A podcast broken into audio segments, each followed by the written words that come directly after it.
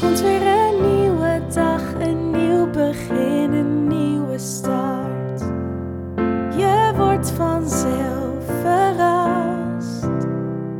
Dus lach niet, heb het leven lief. Ook al heb je zorgen, pak het met beide handen vast. Dit is de Alles is Liefde podcast.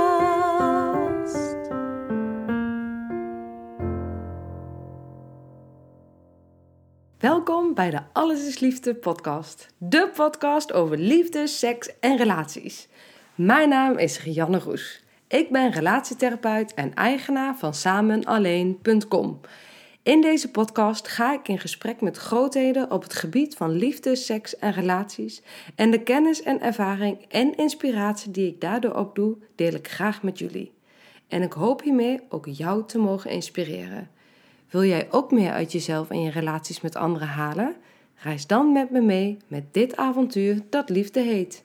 Dit is de Alles is Liefde podcast.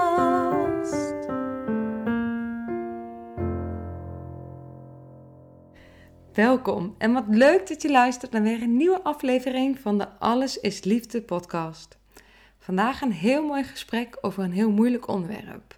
Een gesprek wat ik heb met Manon Smeijer over conflicten binnen scheidingssituaties. In dit gesprek gaan we het hebben over mediation. Wanneer ga je nou naar de mediator? Wat kan therapie voor je betekenen? Wat doet een systeemtherapeut? En Manon Smeijer is alles van dat. Ze is zowel systeemtherapeut als mediator en heeft zich de afgelopen jaren als relatiedeskundige op het gebied van conflicten verder ontwikkeld. Dus tegenover mij zit een echte expert. Er komt van alles aan bod, dus ook met name hoe je als ouders zo'n scheidingssituatie, hoe complex die ook is, maar toch met elkaar goed gaat regelen. Hoe regel je het goed voor jezelf, voor je ex-partner, maar ook voor je kinderen en misschien wel vooral voor je kinderen. Dankjewel Manon dat ik hier vandaag mag zijn en dat ik bij jou thuis mag komen in je prachtige huis en dat ik dit interview met je mag afnemen. En dan begin ik met mijn allereerste beginvraag. Waar denk jij aan als ik zeg liefde? Oh, ehm, waar denk ik dan aan? Ja, ik, heb, ik, ik denk ook wel aan beeld. Ik denk in ieder geval aan hartjes en bloemetjes en heel veel roze. En eh, dat. Dus dan denk ik aan romantische liefde. En ik, maar liefde gaat voor mij ook wel over, uh, over plezier hebben. En een heel cliché, het moment pakken dat je even denkt aan degene die je lief hebt, zonder dat ze per se bij je in de buurt zijn fysiek. Dus having the other mind in mind, dat is voor mij wel wat liefde is. En ik hoop dat ik ook zo word meegedragen door mijn dierbaren. Ja, ja dat anderen ook jouw gedachten ja. in gedachten nemen om uh, bij jou stil te staan wat jou beweegt en wat jij, uh, ja. ja. hoe jij in Ja. elkaar zit. Ja. Mooi. Ja. Wat uh, kun je dit goed verwoorden? Nou, Ja, en dat zomaar. ja. ja het is een out of the blue vraag. Hè? Meestal komen we gaandeweg die vraag ook wel eh, in andere interviews, gesprekken tot de conclusie dat het helemaal niet zo makkelijk te beantwoorden is. Wat, ja, wat is liefde nou eigenlijk? Ja. Het is zo breed en tegelijkertijd voelt het specifiek of zo. Ja, daar Ja. is moeilijk iets op En ik denk dat het ook nog wel ehm, uitmaakt ehm, aan in, in welke situatie degene die interviewt zich eh, begeeft. Hè? Dus Ja. ik zit in de fortuinlijke situatie dat ik een, een, een relatie heb die langdurig is en ook nog best aardig. Ja. Kinderen die het ook nog redelijk doen. Ja. Ehm, dus in, in die zin zit mijn er, leven er aan de buitenkant best redelijk zonnig uit. Dus dan, dan, nou ja, misschien dat het dan ook anders is om hierover te praten. Ik heb Ja. nog niet zoveel wat ik echt mis. Nee, nee, er is best wel veel dankbaarheid en Ja. tevredenheid in het leven zoals het nu... Ja. Eh, Ik ben Voor aardig je ligt. gevuld. ja, ja, dan kan je ook vol liefde over de liefde praten Nou, natuurlijk. Inderdaad, Ja. inderdaad. Ja. Ja, en in dit gesprek gaan we het eigenlijk een beetje hebben over het moment dat liefde ook conflicterend kan zijn. En ehm, nou, ter voorbereiding van dit gesprek heb ik ook je website eh, een beetje doorgelezen. En wat mij opviel is op je website schrijf je dat uh, na een scheiding ouderschap niet langer gaat over saamhorigheid, maar dat het gaat over parallel ouderschap. Waarbij iedere ouder met respect voor de ander het contact met het kind vormgeeft in zijn of haar huis. Ja. Nou, ik vond het echt een prachtige zin.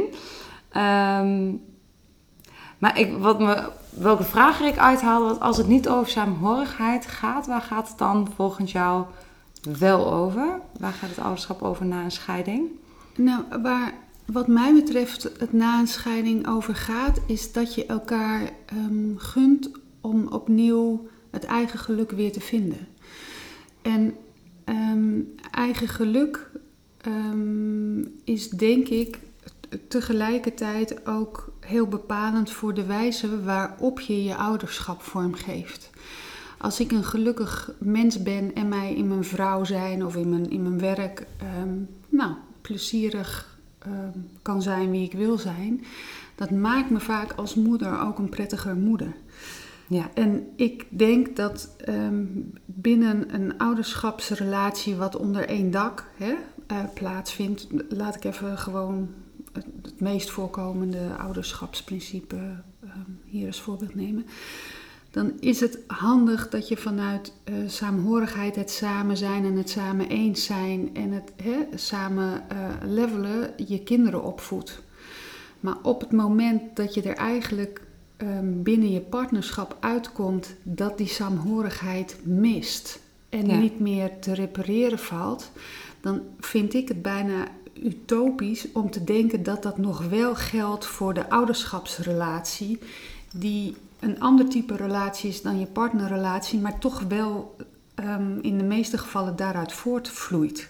Ja, ja. Dus dat is um, eigenlijk wat ik um, ook wel op een liefdevolle en zachte manier met ouders bespreek, maar wel heel duidelijk. Dat ik zeg, ja weet je, als je allebei uit elkaar gaat omdat je als partners niet meer tot elkaar kunt komen, dan zul je ook zien dat dat binnen de ouderschapsrelatie gaat werken. Ja. Dat werkt door. Ja. Dus je moet het gaan verdragen dat je ik en jij bent en dat dat wij, nou ja, niet meer wordt vormgegeven. Nee, niet meer in het partnerschap. Niet meer in het partnerschap, nee. En soms kan het nog wel in het ouderschap. Mm -hmm. Um, maar ja, in sommige gevallen ook niet. En, en kun je het dan verdragen dat de ander wel van jullie kinderen net zoveel houdt als jij, maar zijn of haar stijl volledig anders is dan dat jij had gedacht of gehoopt of verwacht. Ja, dat is natuurlijk wat je best wel vaak, denk ik, ook in de praktijk ziet. Dat onder één dak hè, wordt het geven en nemen, stem je op elkaar af. En ja. op het moment dat. Um, ja, dat er dus twee huizen zijn. Ja. Dat je misschien ook wel ziet dat de eigen stijl toch wel wat verder af ligt van de gezamenlijke stijl. Ja. En ja. het gaat over dat verdragen, bedoel je. En ook dat. Ja. Ja. Kun je kijken naar. um, ja, inderdaad, kun je, het, kun je het verdragen dat de ander het werkelijk op een andere manier doet. En um, zonder dat het per definitie schadelijk hoeft te zijn voor je kind. En ik merk dat veel um, uh, partners het gemis wat zij hebben ervaren uh, binnen hun partnerrelatie als echtgenoot of partner van, bijna um, één op één wordt geplakt op het gemis wat ze zien um, bij de andere ouder ten aanzien van hun kinderen. ik heb nu een, een stel in therapie die, nou, die zijn gestart en die hebben nu besloten om uit elkaar te gaan. En mevrouw voelt zich door meneer heel erg verwaarloosd.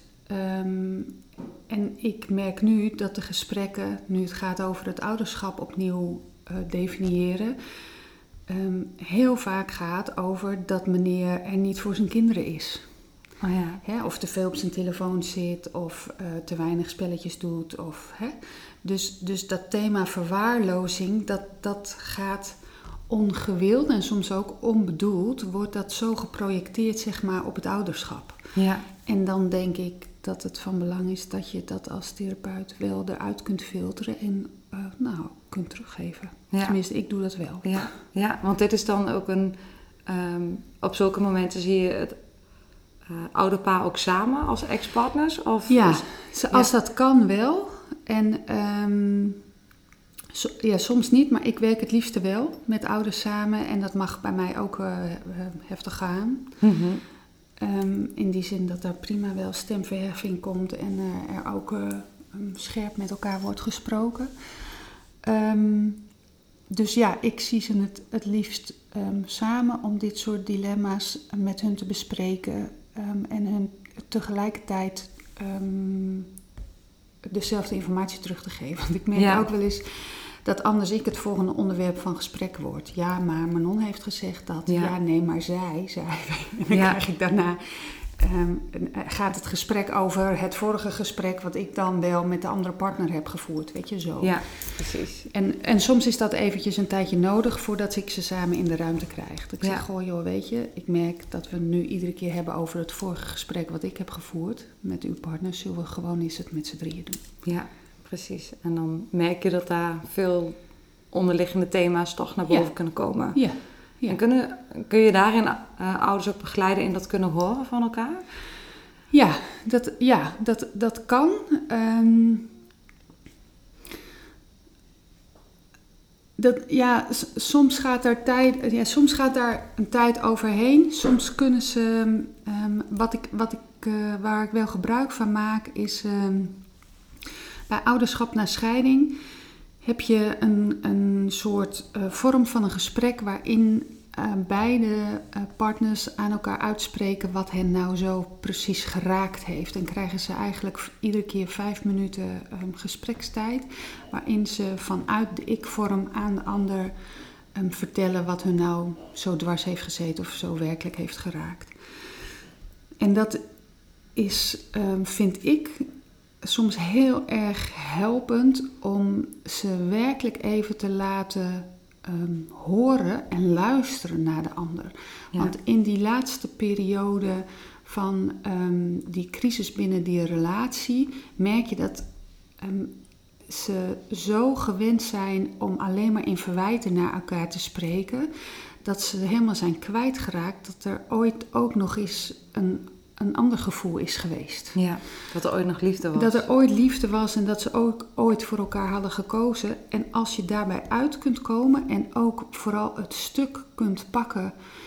Het is niet eens zozeer van het, het, het, waar, waar, ze, waar het mes erin is gezet, zeg maar, waar het mis is gegaan. Maar het gevoel afgesneden te zijn van de ander. Dus dat je er niet meer toe doet. Ja. Dat merk ik is een heel groot pijnpunt.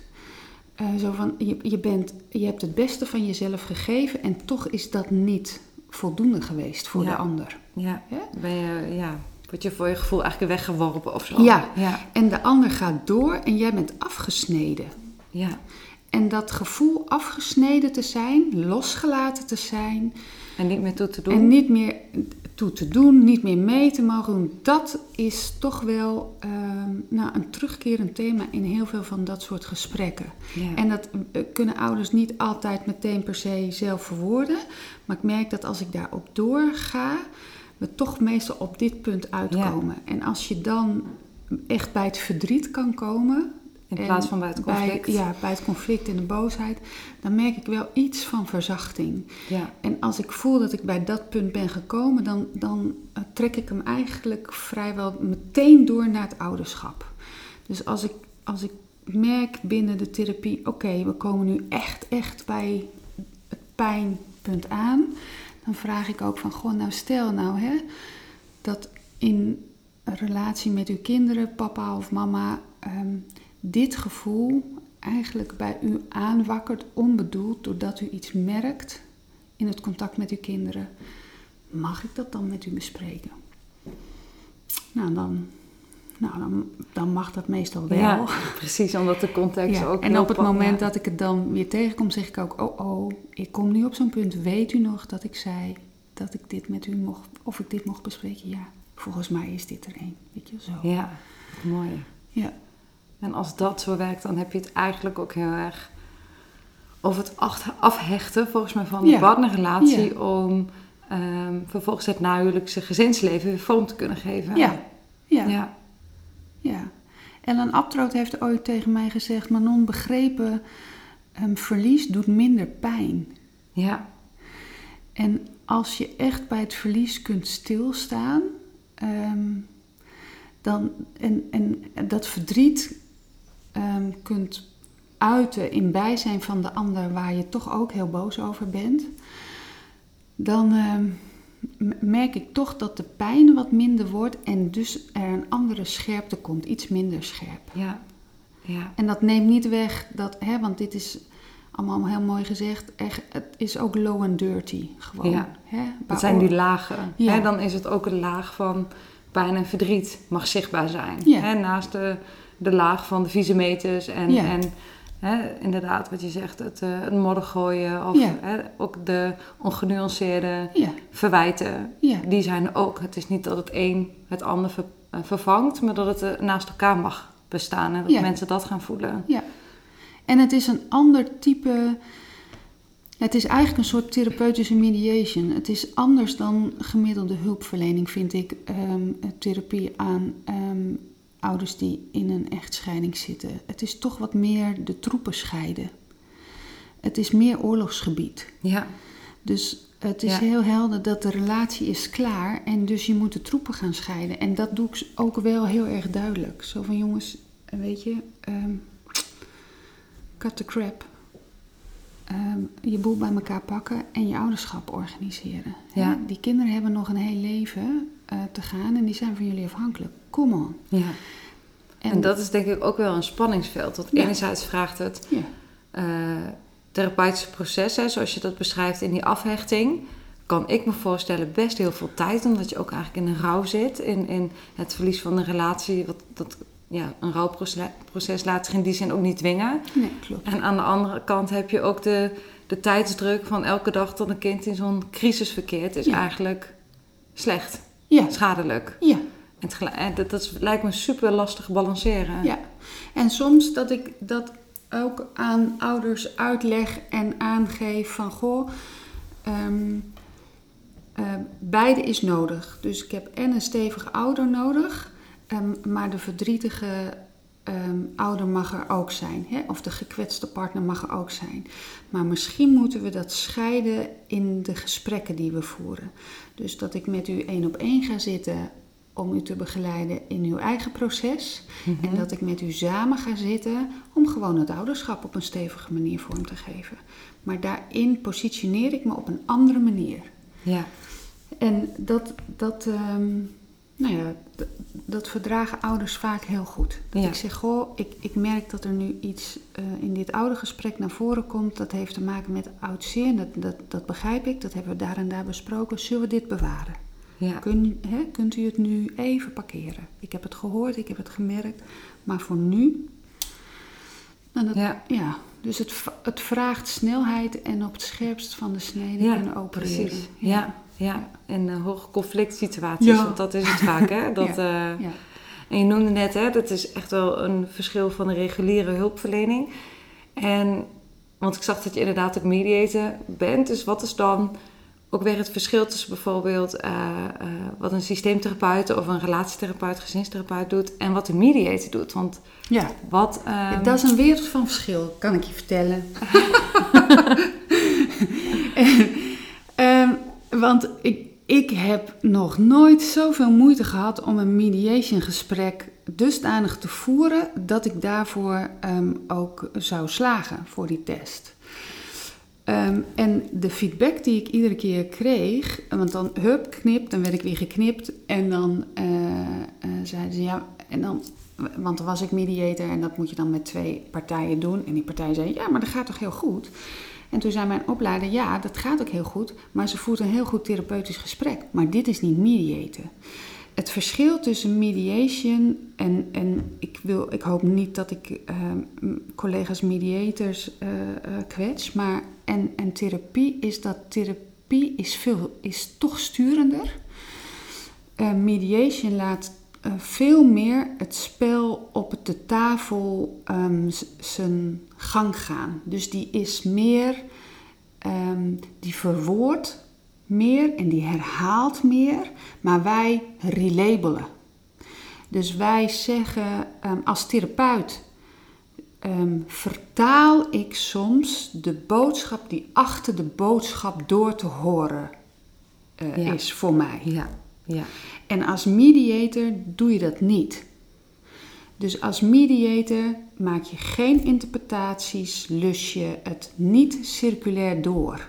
Mhm. Maar zeg je eigenlijk, herhaal je, goh, ik hoor u dit en dit eh, nu zeggen. Als ik dat samenvat, ehm, is dit dan de samenvatting die recht doet aan uw verhaal? Ja, oké. Andere partij, wilt u hierop reageren? Wat eh, brengt dat bij u teweeg? Ehm, eh, wat raakt u daarin? Eh, wat denkt u daarover? Hoe voelt u zich daaronder? Dus je vraagt wel naar gevoel en, Mhm. en naar cognitie en ook naar visie.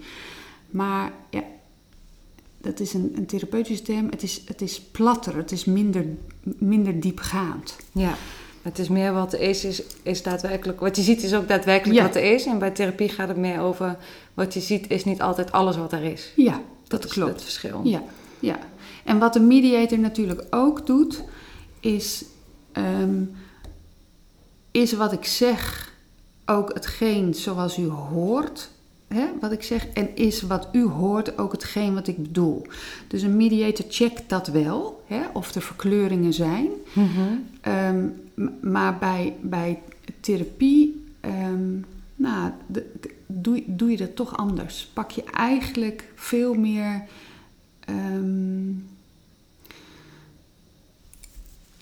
ja, ga, je, ga ik ook vaak wel terug naar het moment in de relatie waar de basjes zijn ontstaan. En ga ik ook kijken, hey, tot wanneer ging het wel goed? En op basis waarvan hebben jullie elkaar gekozen? Ja. En wat hebben jullie gedaan ten tijde van de eerste barsjes die er ontstonden binnen de relatie? En sta ik ook soms een langer tijd stil bij.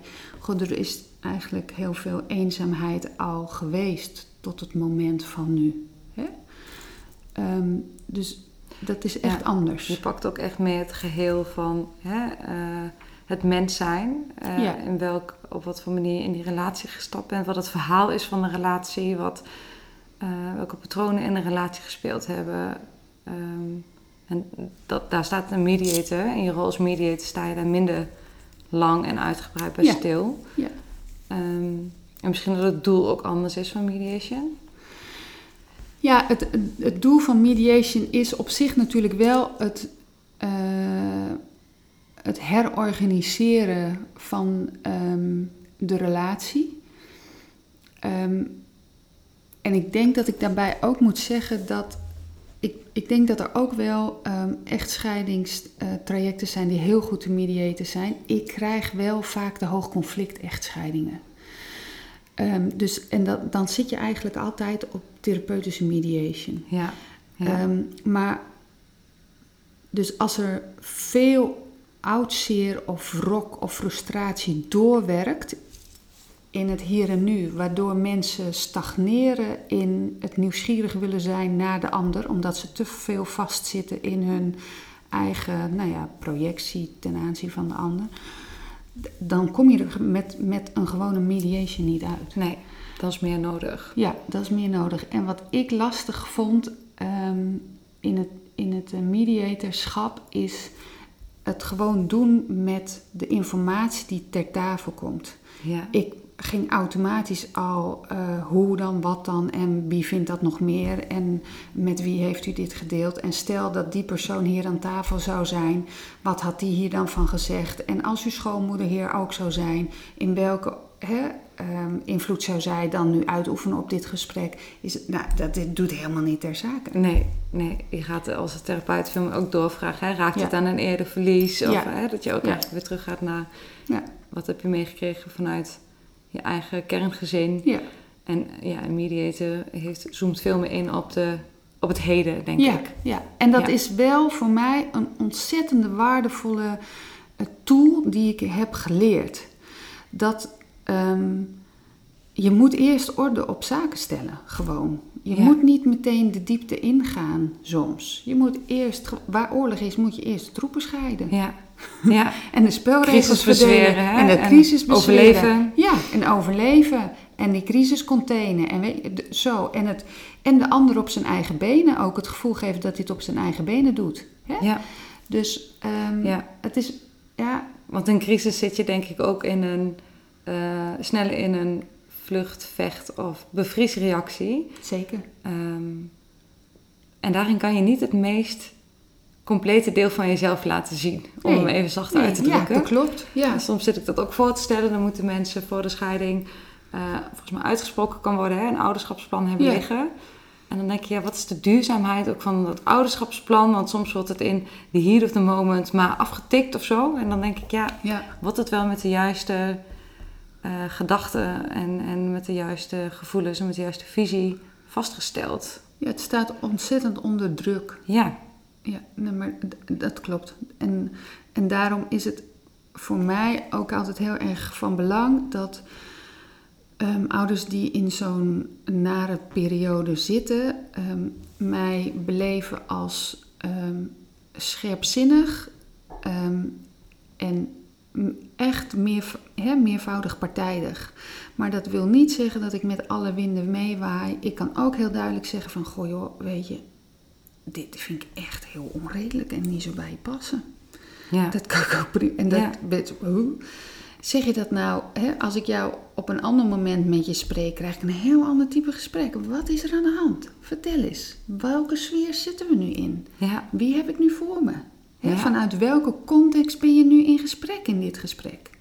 ja. Nou ja, dan spelen er soms nog andere dingen. En dat, ja, ik, ik merk toch dat dat ehm, ehm, voor mensen belangrijk is. Ook omdat ze dan makkelijker na een half jaar terug kunnen komen en zeggen: Ja, weet je, het, het, het werkt niet. Kunnen we er nog eens naar kijken? Ja, ja, ja. Omdat je ook gewoon juist door eigenlijk iemand zo'n feedback te geven, wat best wel confronterend natuurlijk is, is het tegelijkertijd, geef je daarmee de boodschap dat je ze ook nog steeds als mens ziet. Dat je ook ziet Ja. dat dit niet het enige is wat Ja. ze zijn, maar dat dat is wat de context maakt dat ze nu zo reageren. Ja, dat klopt. Dus dat je ook goed kan uitstralen dat eh, de boosheid die er op dat moment wordt geuit, en soms eh, eh, lijkt dat tegen mij, niet per se voor mij bedoeld is, Ja. maar uit iets anders voortkomt. Ja, En het is wel prettig dat ik dan niet net doe of het er niet is. Ja, het is er zeker wel. Maar ook dat ik het dan wel op tafel kan leggen in die zin... hé, hey, met welke boosheid heb ik nu te maken? Wat maakt nou dat je zo tegen me tekeer gaat? Waar gaat dit over? Is dat zeker? Is dat mijn onredelijkheid of gaat het over iets anders? Nou, soms ben ik onredelijk. Nou, dan mogen ze dat ook noemen. Ja, dat moet ik precies. zeker checken. Hè? ja, Eh, maar al met al, als ik kijk naar de feedback die ik van ouders in de loop der jaren terug heb gekregen, eh, m- merk ik dat ouders het uiteindelijk heel prettig vinden dat in zo'n periode van stress er ergens één iemand is die hen toch vastpakt ehm, en, ehm, en een aai en een tip soms geeft. Ja. Dus ik heb en zorg en begrenzing heb ik eh, in mijn aanbod. ja, En je merkt toch dat als ouders in zo'n crisis eh, zitten, ze vooral de mensen om zich heen verzamelen die het met hen eens zijn. En de mensen die het niet zo met hun eens zijn, die zeggen dat misschien een beetje schoorvoetend en misschien nog eens een keer, maar daarna haken ze vaak af. ja, Hè?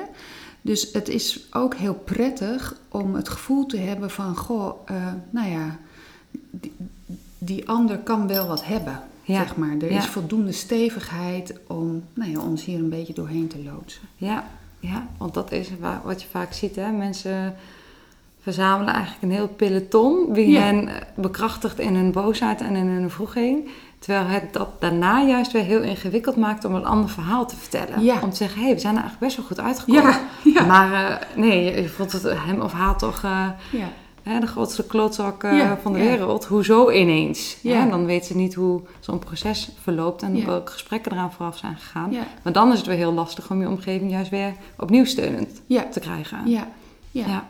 ja. Ja, en daarin heb ik wel van die mediation heel goed geleerd om, om ehm, duidelijke kaders te bieden. Ehm, ook als het gaat om wat hier besproken wordt, ehm, wordt hier besproken en met wie delen jullie dat wel of niet.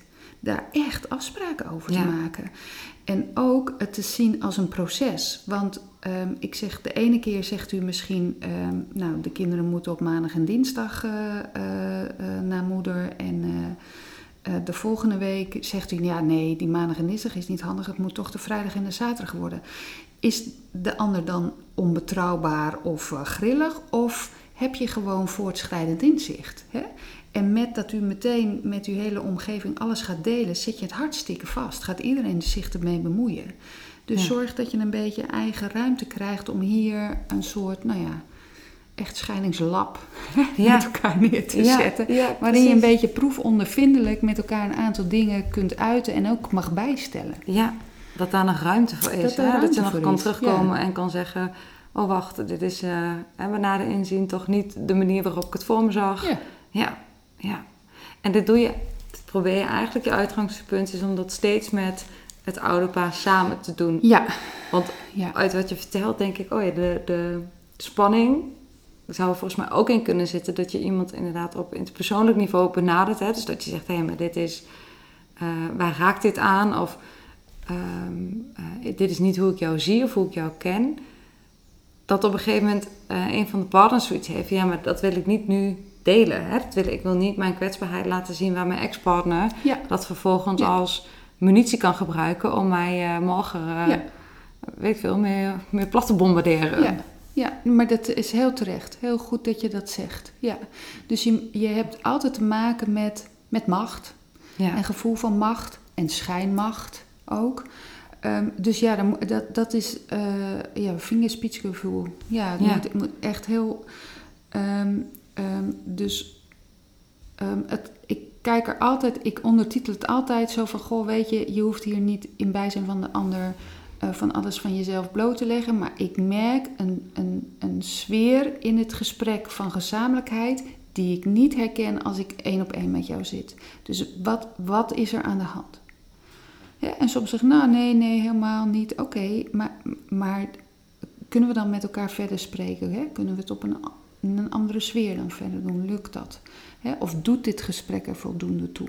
Hè? Of Ja. is dit, want dat is het soms ook nog wel eens. En, ehm, eh, als ik van de hak op de tak spring, moet je me eventjes eh, knippen. Nee, is prima.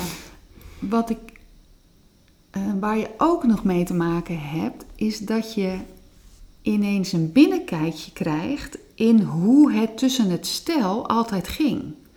Dus soms is het ook goed om jezelf te realiseren: is dit, raakt dit mij omdat het niet bij mij past?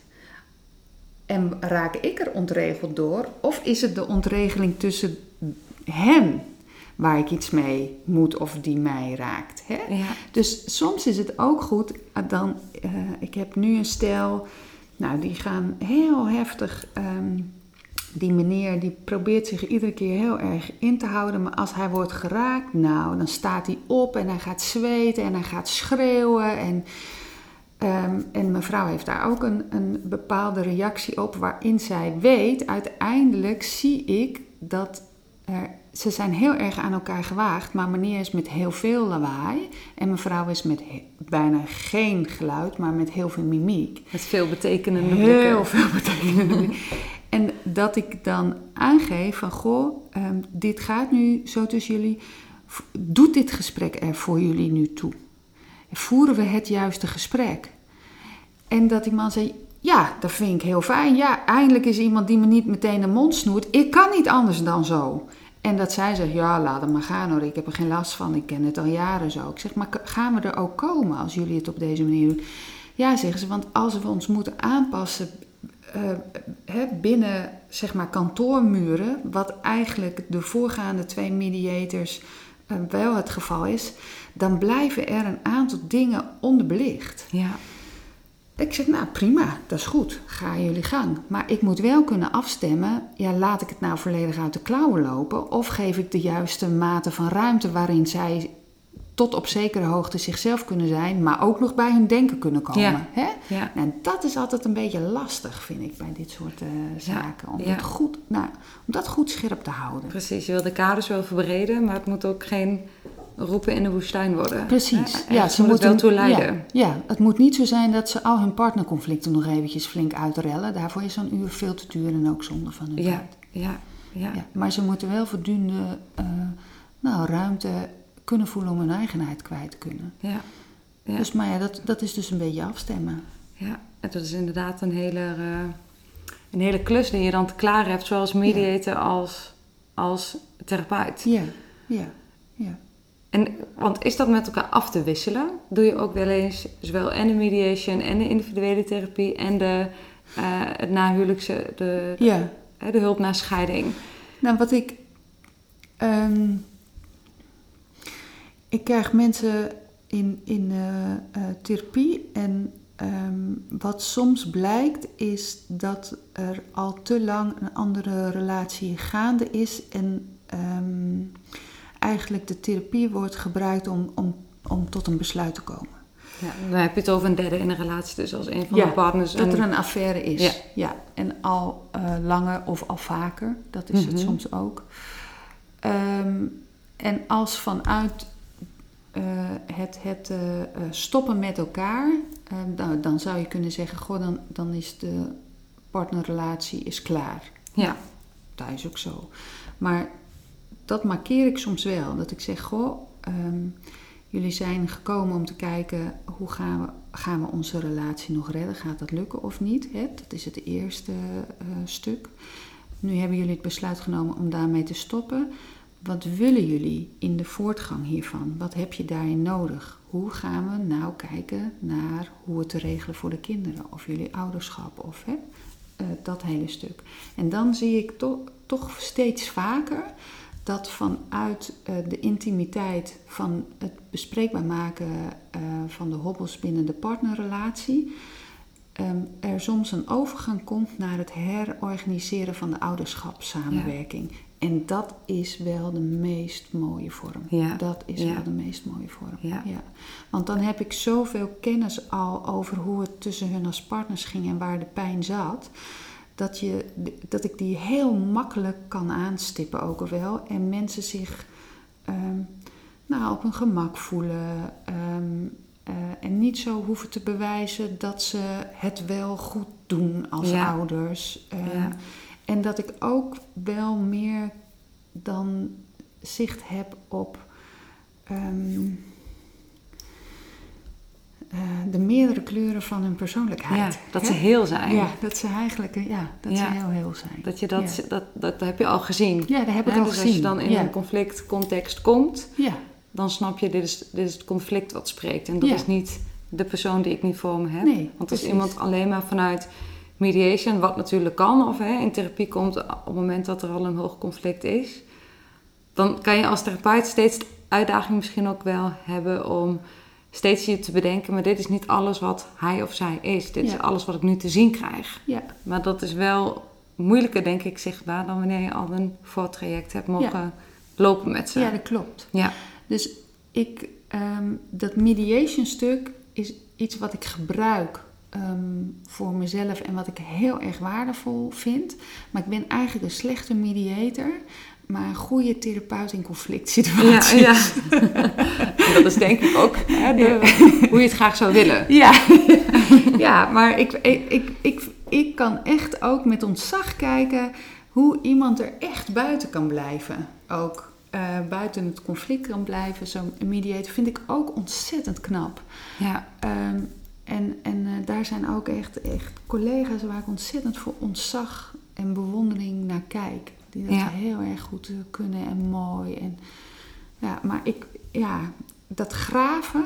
En ja, in- het zit in gewoon ons, in dat zit er systeem. gewoon in, in Dat- het systeem. Ik kan het niet loslaten. nee, precies. En dan moet je dat ook niet willen, maar dan is dit Ja. de manier waarop Ja. je het kan vormgeven. En sommige mensen willen dat stuk echt helemaal niet. Hè? Die willen dat persoonlijke er helemaal buiten houden.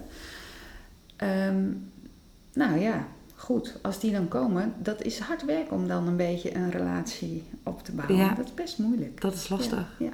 En dan is misschien ook de vraag of ze dan niet meer naar een mediator kunnen, Ja, die echt volledig uit dat Ja. conflict Ja. kan blijven. Ja.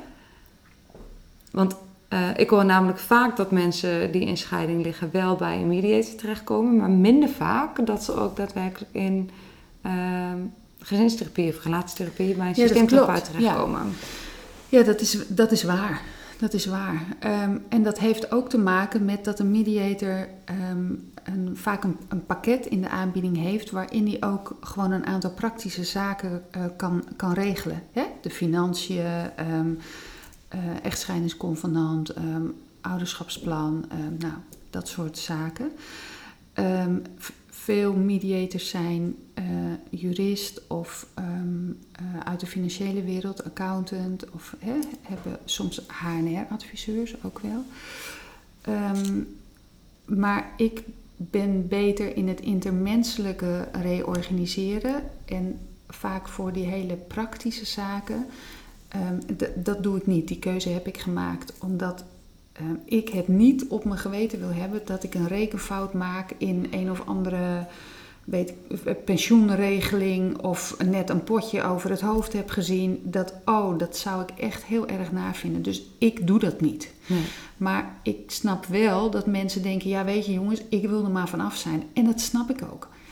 Als je uit elkaar wil, dan moet de boel geregeld worden. En je moet zoveel regelen dat ik begrijp wel: hup, hatse klats, we gaan naar een mediator, de boel op papier, klaar. Ja. En daarna begint het gezeik. Ja.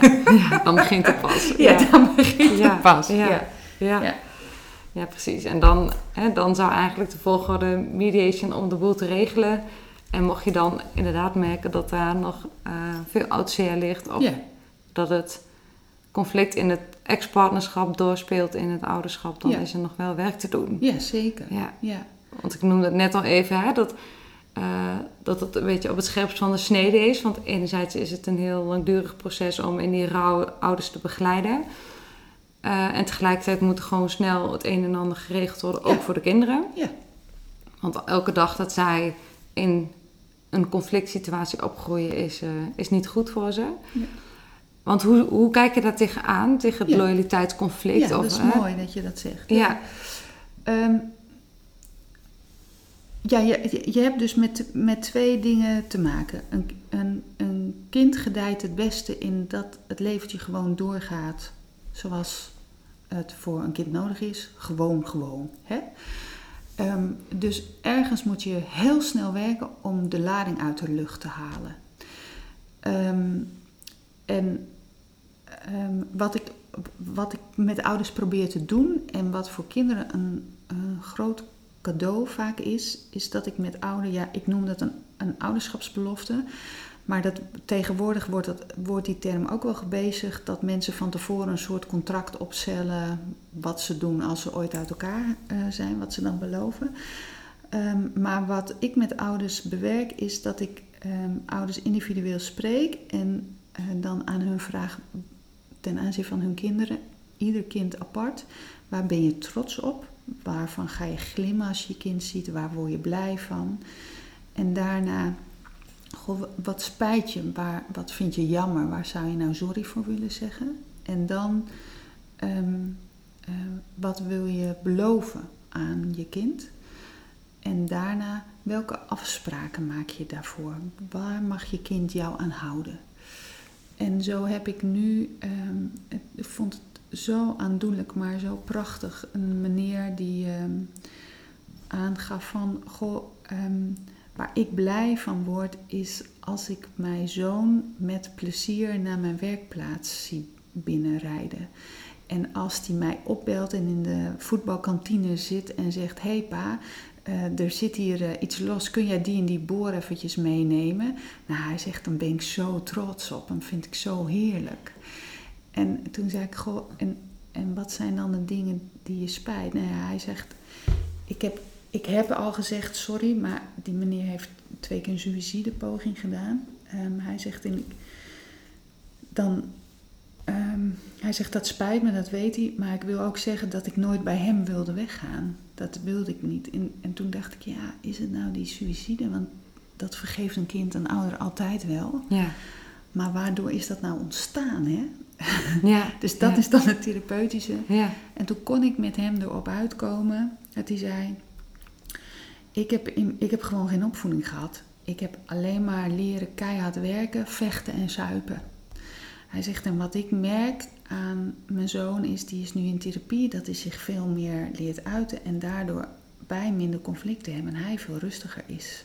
Dus wat me eigenlijk spijt is, is dat ik niet eerder in therapie ben gegaan en dat ik niet op een andere manier ben omgegaan met de shit uit mijn verleden. Ja, en dus wat anders had mee kunnen geven aan. Wat anders, ja. Nou, dan kom je op eh, belofte. Toen zei hij, ik, ik beloof dat ik in therapie ga, dat ik aan mezelf ga werken. En dat ik probeer meer gewoon thuis te zijn, gewoon als een vader. Ja, En toen zei ik gewoon, maar welke afspraken dan? Waar mag hij jou dan aan houden?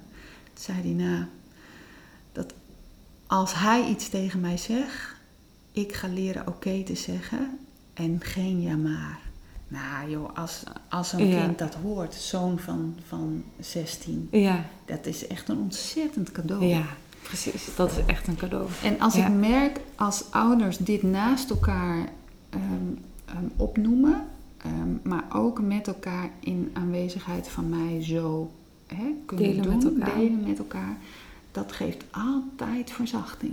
Dat Ja. werkt altijd helend. En dan is het de liefde van de kinderen. Wie, Ja, wie- als het lukt om ouders echt tot dat punt te brengen, dat, nou, dat, geeft, eh, dat werkt heel goed door. ja, Ja. ja, Het helpt ook kinderen gewoon te denken: oké, dus, dus zo zit het. En soms moet je ook in zo'n ouderschapsbelofte, want dat maak ik ook wel eens mee, dat ouders gaan uitspreken: weet je, ehm, je moeder en ik wordt het dan, Mhm, hè? of ja. je vader en ik, ja. wij gaan nooit meer door één deur passen. Nooit meer. Dat is altijd gezeik en dat zal het zo blijven. Maar weet van ons, jullie zijn ons heilig en ons dierbaar. Hè? En je mag ons aanspreken als we te lullig reageren of je toch merkt indirect dat we stemming maken. Spreek ons er maar over aan. Maar weet je, en dat is soms ook fijn. ja. Dat kinderen gewoon denken, oké, ja, dus dit blijft gewoon eh, ellende en gezeik. En dan nog is de- zo. altijd die stille hoop. Hè? Nee. Van misschien dat ze hier ook nog uitkomen. Ja. Hè? Misschien is het een, een tijdperk, een kort tijdperk van een, van een lange leven. Ja. Maar dat ze helder hebben, dit is hoe het er nu uit Dit is zien. zoals het is en zoals het zal blijven, maar het is niet aan mij. Hè? Nee. Nee. Zij kunnen het niet. En als ouders dat kunnen gaan zeggen, wij kunnen het niet anders dan dit, we willen het eigenlijk niet zo en weten ook dat het niet hoort. Maar ja, het is, het is nu zo. Ja. Dat is soms ook. Het heel erg onschuldige van het kind. Want een kind gaat zich toch schuldig voelen. Ja, En om daar bewust en heel expliciet eh, taal voor te gebruiken... dan helpt het het kind om wat minder in die loyaliteit vast te zitten. ja dat helpt. Ja. Dat helpt. Het uit elkaar te trekken. En soms ook wel, eh, want ik, eh, ik bespreek dit dan met ouders en kinderen erbij. Nou, Ongeacht leeftijd? Ja, ja nou, ik, ja, ik heb toch meestal wel kinderen vanaf een jaar of zes Mhm. tot, nou ja, eh, 18, 19. Ja. Maar die hele kleintjes heb ik eigenlijk nog niet zozeer gehad. Als ik, als ik die heb, doe ik dit- niet dit. Dan Nee, maak ik meestal een eh, words and pictures. Dus Oh, dan ja. laat ik ouders een soort eh, fotoboek maken. ehm, waarin zij elkaar leerden kennen. En dan eh, een mama een dikke buik. En dan komt er een wiegje en dan komt een kindje in. En dan nou ja, is gedoe tussen papa en mama. En dan gaat papa in een ander huis wonen. En mama met het kindje daar. Of papa met de kindjes daar. Dus dan maak ik een soort eh, nou ja, verhaaltje met Ja. foto's. Ja. Samen met ouders. Ja. En dan wordt dat een soort voorleesboekje. Die bij papa is en ook bij mama. Om het kind te helpen te verwerken. Precies. En met oudere kinderen van- een jaar of zes ga je eigenlijk met z'n allen. Ja, dit In, eh, gesprek, in gesprek. voeren. Ja. Ja. Het is, dat, nou, dat stem ik zo'n beetje met ouders af wat de beste eh, manier is. Maar ook zo'n boek maken en het foto's verzamelen is voor ouders soms ook heel goed ja. om, om eh, te doen. Want Bang, Boos, Blij, toen in mijn tijd bij Lindenhout gebruikte dat ook nog wel eens. Dat is Oh, dat ook een werkboekje. Oh, wat leuk. Ja, dan ga je eigenlijk ook in de verschillende fasen op het moment dat ouders samen zijn. En Ja. vooral vragen aan het kind. Hè, van hoe heb je het gezien en wat, is, eh, wat zou je nog willen vragen? Nou, eigenlijk ook een soort verwerkingsboekje. En op het eind staat er ook nog wel een hoofdstuk over het samengestelde gezin. Dus als papa of mama weer Ja. een eh, nieuwe vriend of eh, vriendin krijgt. Dus dat is... maar ik wist niet of, je dat, of dat Nee, vergelijkbaar was. Maar Ja, nee, ik ken het niet. nee, Ja, er zijn heel veel mooie. dat is ook zo. Ja, Want hè, voor kinderen, ehm, uiteindelijk zijn het niet de kinderen die, eh, die de breuk veroorzaken, hè, die schuldig zijn Nee, aan een ja. breuk tussen, tussen partners. Maar zij zijn vaak wel degene die een hele grote last moeten dragen. Ja. En dan vind ik het soms moeilijk om ook bijvoorbeeld de kinderen in therapie te krijgen. Terwijl je eigenlijk denkt, ja, maar jij kan er niks aan doen. Maar tegelijkertijd hebben we Ja. een stukje rouwverwerking nodig. Maar je wil niet dat ze door in therapie te moeten gaan, het idee krijgen dat het dus ook aan hen ligt. Ja. Herken je dat, dat, dat vraagstuk? Ja, dat herken ik zeker. Ehm, en tegelijkertijd vind ik het soms heel ingewikkeld dat er dan therapeuten zijn die zeggen: ja, nee, ja, maar neem het kind niet in therapie, want het moet eerst opgelost zijn. Maar sommige ouders zijn gewoon niet in staat om het op te lossen. En hoe ga je dan toch een plek creëren waarin zo'n kind even oorlogsvrij gebied heeft, Ja. zeg maar? Ehm, en die, die kinderen krijg ik overigens in mijn eigen praktijk minder Mhm. dan ik bij Joneo wel zag of bij Jeugdhulp Friesland ook wel zie. Ja, ja. Ehm, maar, maar goed, ehm, ja, wat doe je daar dan mee? Ja, ik, ik denk dat het wel heel belangrijk is om kinderen daarin wel een plek te geven. En je hebt natuurlijk ook wel die, die kiestrainingen en die kleine dino's. En, eh, ja, ja. Ehm, en wij hebben ook wel kinderen uit de knel gedaan bij Joneo, wat soms heel fijn werkt, die kindergroepen voor Ja. kinderen. Dus dat ze eigenlijk ook een soort plek hebben Ja, waar dat ze met ook andere eh, kinderen erover hebben. kunnen praten. En ik heb een artikel gelezen van eh, Lieve Cotin en daarin, en dat, dat, nee, dat spreekt me ook nogal aan.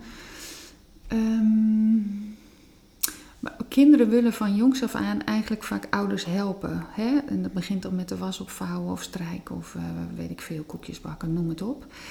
Maar hoe kan je kinderen nou ook in dit proces een gevoel van, van betekenisgeving geven? Dus daar, daar sta ik wel veel bij stil. Ja. En ik merk dat als kinderen wat ouder zijn, ehm, ik heb veel pubers dan in de praktijk, dat ehm, het, soms heel goed is om kinderen daarin wel een soort van rol te kunnen geven in hoe ze van hulp kunnen zijn, hoe ze van waarde kunnen zijn. En ik merk dat ik het zo voorzichtig uitspreek, omdat het natuurlijk in hulpverleningsland not done is dat de kinderen worden ehm, eh, belast met het gedoe van die ouders, maar die kinderen zijn al belast.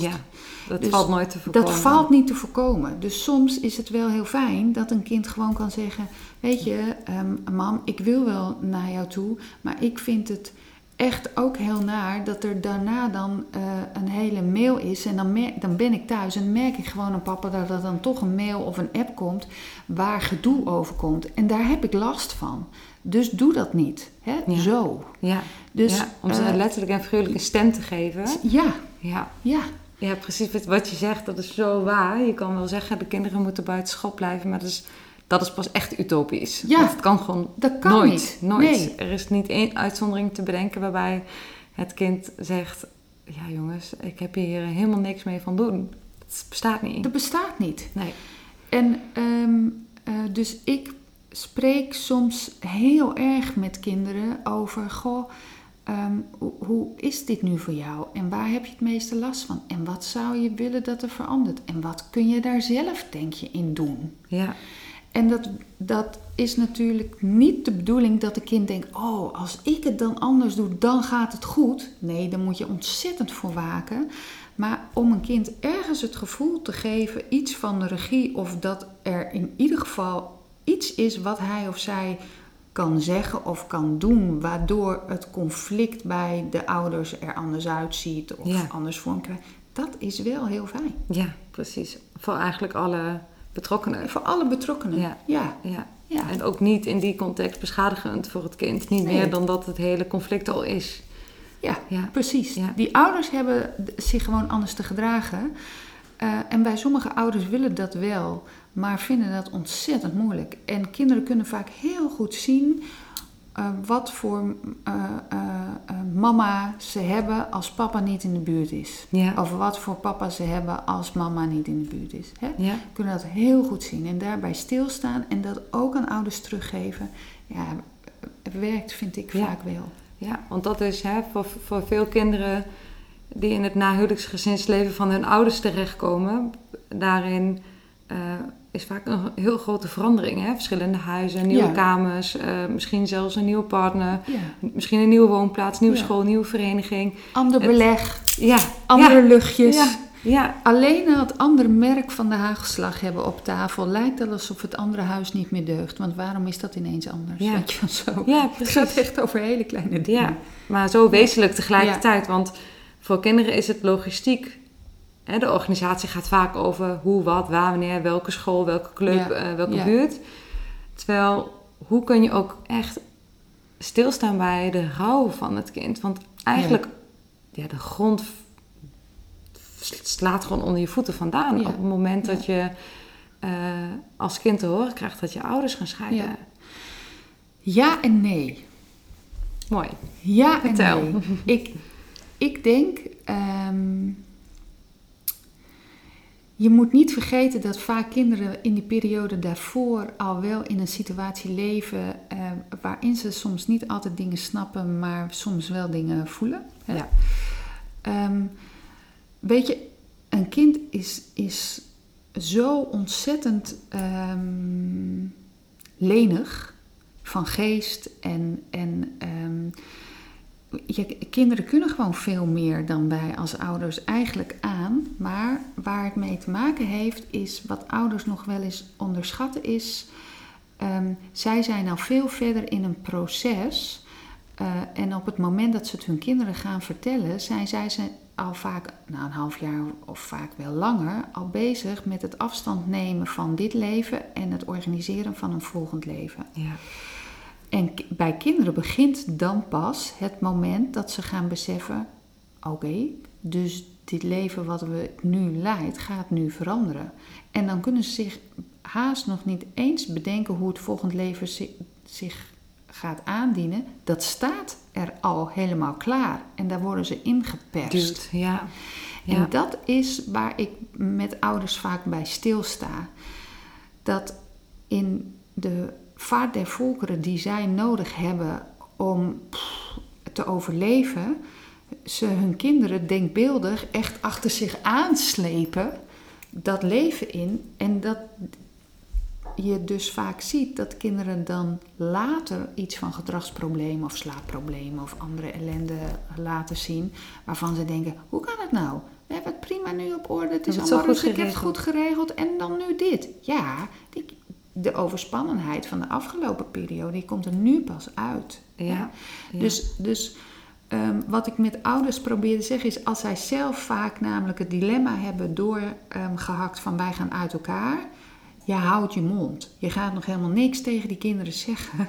Eerst gaan we eens heel rustig bekijken naar hoe dan, wat dan, waar dan, met wie dan. Eh, en pas als dat helemaal klaar is, dan ga je het je kinderen vertellen. En dan gaan zij vragen stellen en op hun vragen heb je dan een antwoord. ja. Want anders doe je één knip, dit leven stopt en vervolgens, wat komt hierna? Ja, dat weten we nog niet. Nee. Dus je, je gooit ze daarna ook in een soort gapend gat zonder dat er een bodem komt. Ja. Want ja, nee, dat moeten we nog bedenken. Ja, maar ja, het is nu nog een, uh, een Ja. in, uh, in, uh, in een bos, Ja. van. Ja, ja. En um, dat vertellen aan die kinderen, dat gebeurt dus ook wel eens onder jouw begeleiding. Ja, dus dat, dat kan. ouders Ja, samen... ja. eh, Dat kan, maar het liefst laat ik het ouders gewoon zelf thuis doen. Want het moet je je voorstellen hoe het is dat je als kind met je ouders samen die iets heel belangrijks gaan vertellen, dat weten, niet tegen jou zeggen, in een auto naar mij toe rijdt. Ja, Hier aan oh ja. tafel wordt het dan gezegd en daarna ga je met z'n allen in die auto weer terug naar je huis. Dat, dat Nee. doen we eigenlijk liever niet. Nee, dat, eh, als je het zo schetst, kan ik me daar wel iets bij voorstellen. Dus ik laat meestal ouders dat gewoon zelf eh, met hun kinderen doen Ja, thuis. maar wel in een hele zorgvuldige voorbereiding. Ja, dat probeer je voor te bereiden. Maar hoe dat er dan op dat moment uitziet, dat is, ja, dat is dan altijd maar een beetje de vraag. Eh, Ja, maar Soms zit er dan toch ineens de boosheid. eh, Ja, of de hè, als de vragen komen verdriet, waarin ja. de, de ongenuanceerdheid weer getriggerd wordt. wat ouders het meest lastig vinden is welk verhaal vertellen we ze. Ja, Ja, ik ga niet liegen tegen mijn kind. Ja, precies. hè, dat. dat ja. Nee. Nee, dus ik zeg het, dus je vertelt dat eigenlijk eh, je partner gewoon is vreemd gegaan en al jaren. Hè? En dat het niet aan jou lag. Zo. Ja. nou ja, zo is het wel. Ja, Ja, ja. Dus dan zeg ik, maar, maar wat heeft je kind aan dat verhaal? Als die naar, met dat uitzicht naar papa of mama moet kijken. Wat, wat, wat is dat, wordt hij daar blij van? Of, hè? Nee, ja. Dus, dus dat ik met ouders ook een verhaal eh, construeer, wat voor kinderen A te begrijpen is, wat, waar wel ehm, ehm, de situatie zoals die is ook in zit. Dus als er een andere partner is, Ja.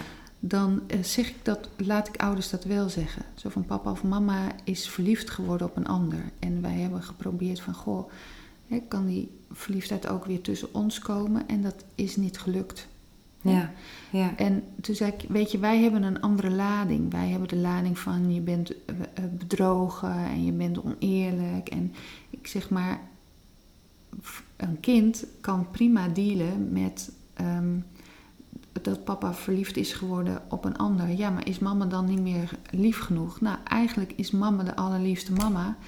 Maar zo gaat dat soms tussen grote mensen. Ja, en dat, ja. ja. het is wel irritant. Ja. Hè? Precies. Dus dat je de, de emotionele lading die wij als volwassenen soms hebben en het oordeel erop wat achterwege laten. Ja, die probeer je er eigenlijk uit te filteren Ja. om een boodschap te brengen waar het kind ook mee verder kan met Ja. beide ouders. Ja. Los van elkaar als partners, maar wel Ja. in die oude-kindrelatie. Dus de moeder-kind en de En vader-kind. daarin zie je dat kinderen ehm, soms zelf natuurlijk ook niet mals zijn in hun oordeel. Hè? Nee. vinden er ook wat van. Zeker. En dan is de uitdaging toch weer om als ouders dat niet ehm, ehm, te veel te voeden. Ja, dat En- aan te grijpen. aan- als van, ja. hè, ja, zo Ja. is het ook. En Ja. eh, ik ben blij dat jij het ook ziet. Of dat ouders wel eens tegen jou als therapeut, in ieder geval, ik maak dat dan mee. Hè, van, ja, maar eh, hij wil zelf niet naar, eh, naar papa toe, want hij is gewoon zo boos op, op, op zijn vader. Ja. Ja. En dan zeg ik, goh, wat heb je als moeder gedaan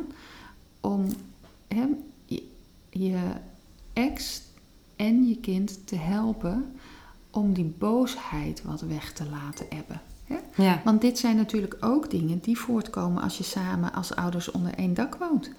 Hè, mijn dochter ehm, heeft eh, het ook eh, met haar vader aan de stok. Ja, ga ik dan altijd eh, daartussen staan? Nou, nee, maar ik vind wel dat ze het gewoon samen met elkaar hebben aan te gaan. En daarin kan ik wel iets faciliteren, want wij Ja. leven met elkaar. Ja, Hè? precies. Ja. Dus als ouders het te faciliteren voor je kind in plaats van voor je ex. ja, En dat is een andere gedachte.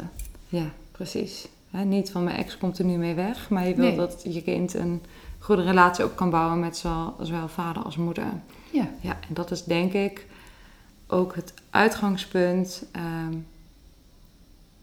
ja, wat wij als therapeuten hebben als we dit soort casussen, denk ik, krijgen. Dat Ja. ouders het eh, partnerschap kunnen afhechten, maar dat ook het kind het goed kan hebben met zowel vader als met moeder. Ja. Kun je, eh, hè, die vraag stel ik ook wel eens aan ouders. Je- kan die scheiding ook zien als een heftig auto-ongeluk. Je ligt helemaal in de kreukels en er is nu even van alles met toeters en bellen nodig. Ambulance, misschien ziekenhuizen, allemaal om ehm, weer te helen en gezond te worden. En als dat lukt, dan wil je vaak je leven kunnen herpakken zoals je even was voordat je een gebroken been had. En dan gaat dat auto-ongeluk langzaam naar de achtergrond verdwijnen. Hè? En zo kan het ook met een scheiding. Kan, mag de scheiding, mag deze periode uiteindelijk tot het verleden horen of blijft dit het nieuwe heden? Ja, Gaan ze vanaf nu alleen maar met elkaar vechten en, en zeg je kinderen later, nou ik heb een prettige jeugd gehad, maar toen mijn ouders scheiden, Jezus, nou, toen is het nooit meer wat geworden en alleen maar ellende. Of kunnen, kunnen je kinderen straks zeggen, nou ja, mijn ouders zijn gescheiden, ja, hoe dat precies zat, ja, dat was toen niet leuk, maar ja, mijn moeder was wel verdrietig, mijn vader ook wel, maar pittige ja, tijd, maar ja, het uit- ging ja, uiteindelijk ging het ook wel weer gewoon of zo. Ik zeg, ja, nou, en eigenlijk gaan ouders altijd voor die optie. Ja, tuurlijk. Maar Ja. goed, dan moet je soms dingen ook laten. Ja, dan en moet je ook hard aan het offers, werk. En dat offers is brengen. Ja. ja. Ja. mooi. Hé hey Manon, dankjewel voor eh, een heel mooi gesprek. Ik had echt nog eh, tien vragen erbij, maar eh, dat gaan we niet doen, want anders dan gaan we echt ver over het uur heen. ja, Dankjewel voor het delen van je kennis. En, graag gedaan. voor je openheid. En nou, heel erg bedankt. Ja, leuk. Leuk vond ik het. Mooi.